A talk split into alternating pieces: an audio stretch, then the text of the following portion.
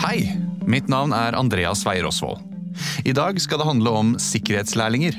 For med meg i studio har jeg Henning Aasen, som er lærlingkoordinator i Forsvaret. Hva forventer Henning av lærlingene sine, og hvorfor skal man bli lærling i nettopp Forsvaret? Det skal vi få svar på snart, og mye mer, for med meg har jeg også Christian Pedersen, som nå jobber i Forsvaret. Christian startet sin reise på videregående skole. Han gikk salg, service og reiseliv, som den gang het Service og samferdsel, før han ble lærling i Forsvaret. Vi skal høre litt om hva han gjør fra dag til dag, og hva han gjorde som lærling. Hva var forventningene hans på forhånd? Hva er utfordringene i hverdagen? Ja, mye, mye mer. Velkommen, Henning Aasen Tusen takk for det. og Christian Pedersen. Takk skal du ha. Eh, Jeg starter med deg, Henning. Hva er jobben din sånn konkret? Du, jeg jobber med lærlingordningen, så jeg sitter som et bindeledd imellom Forsvaret og fylkeskommunen.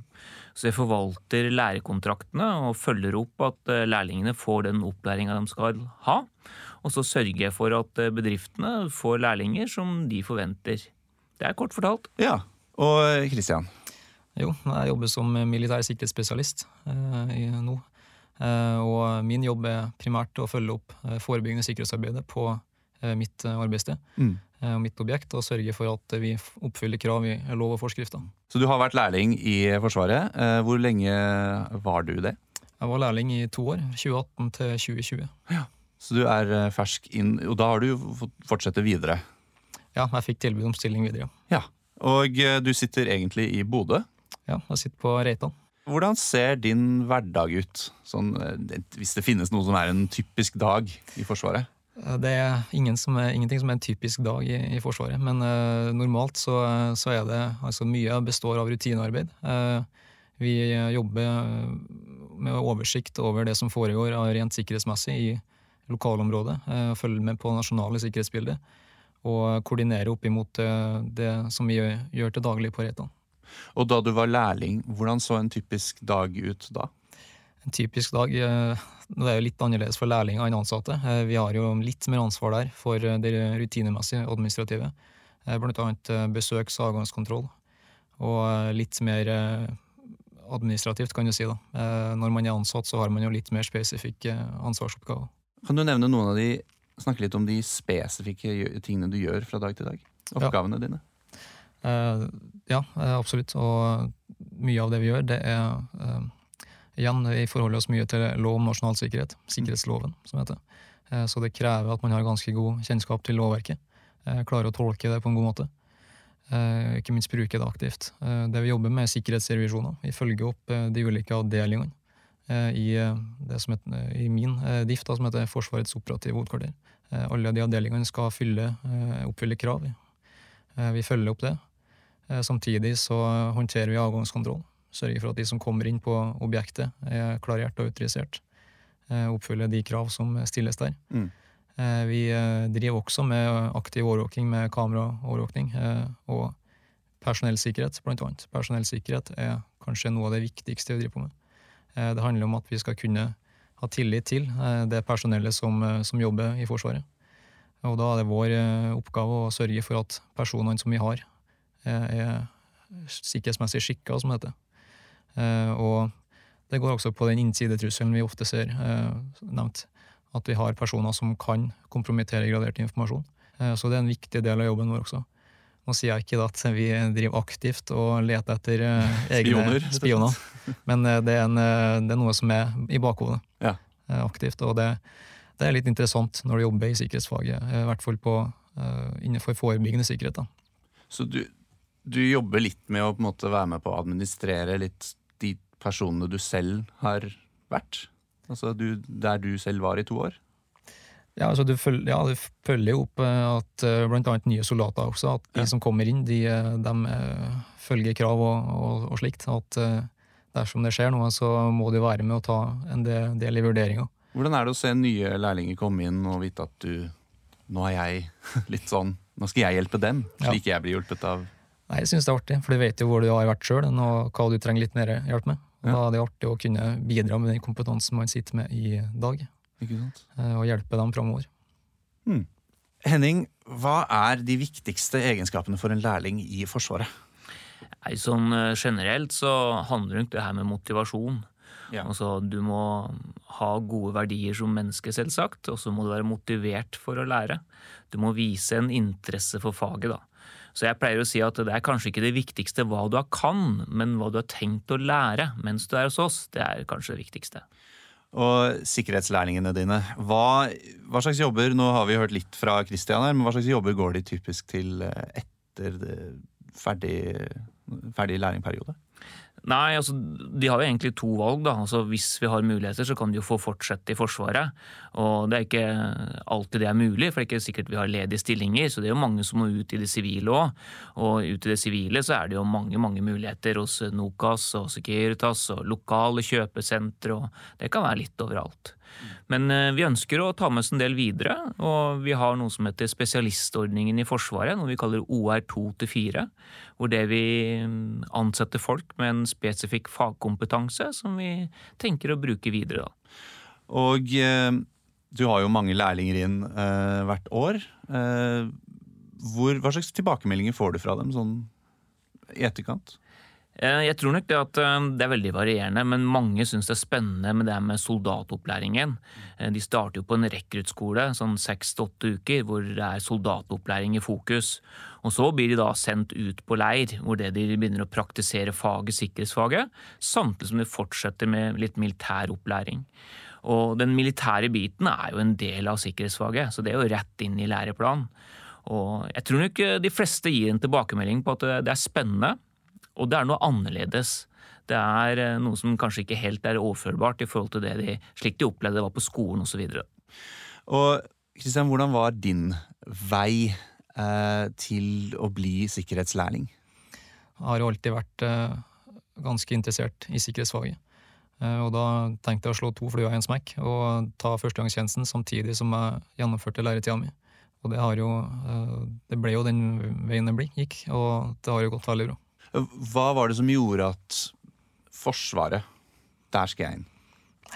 Det er litt eh, det, er litt vanskelig å forklare, men det er det store. Altså at det, det betyr eh, Man ser jo gjerne de reklamefilmene eh, på nettet og på TV og slikt, og man føler at man ønsker å være en del av noe større.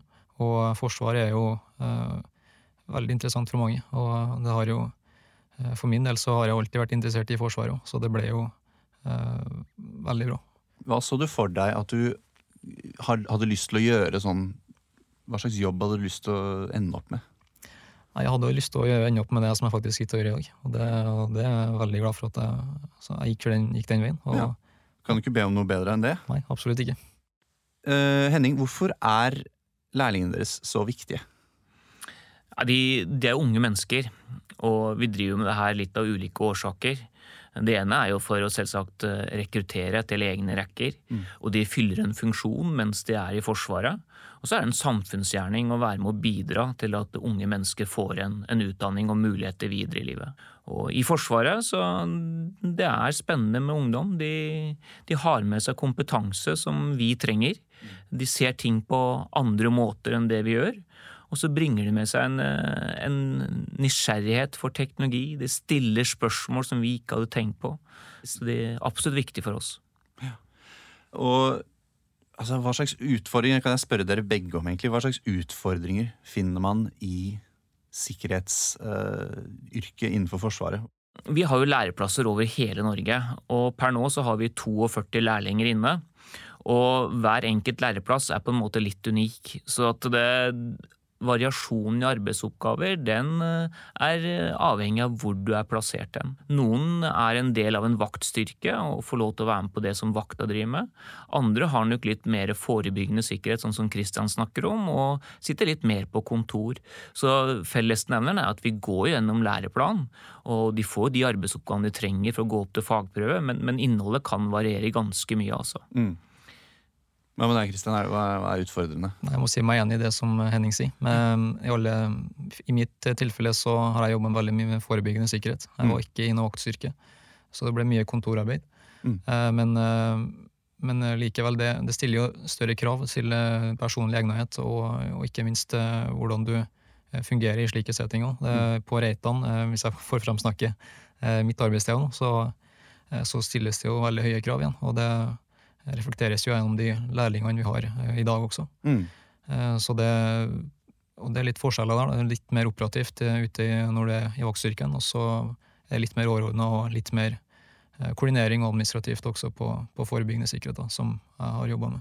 Hva er typisk eh, å gjøre når du er liksom ute i felten, som du sier, med ute i vaktstyrken? Det normale da, at du vil stå i en, eh, det som heter for en veikontrollpost eller en avgangskontrollpost, og sørge for at eh, de som kommer inn på militærleir, eh, militært område, er, oppfyller krav, og at de er eh, alt ro og orden ivaretatt på leiren. Kan det skje, liksom, kan det oppstå ubehagelige situasjoner der? Det kan det. Jeg har jo eksempler på det da jeg var lærling sjøl òg.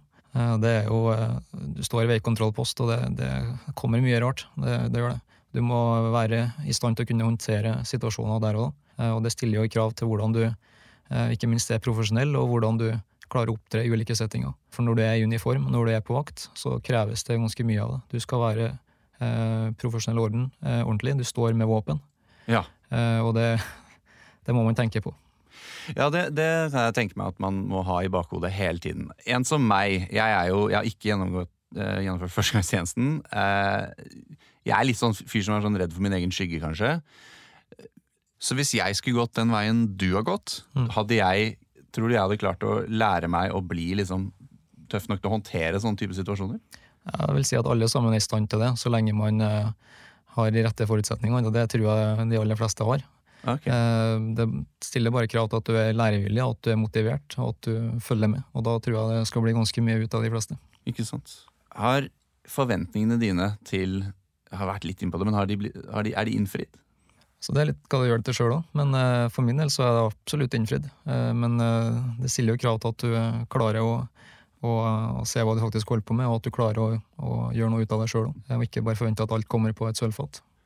Hva, hva er det viktigste du har lært sånn Altså Det viktigste jeg har lært, er ikke det rent faglige. Det faglige kommer, men det handler litt om eh, sånn som min eh, fagansvarlig da jeg var lærling alltid si. Og det at det, lærlingtida det er arbeidslivet, one on one. Eh, det å lære deg hvordan du opptrer i profesjonelle settinger. Mm.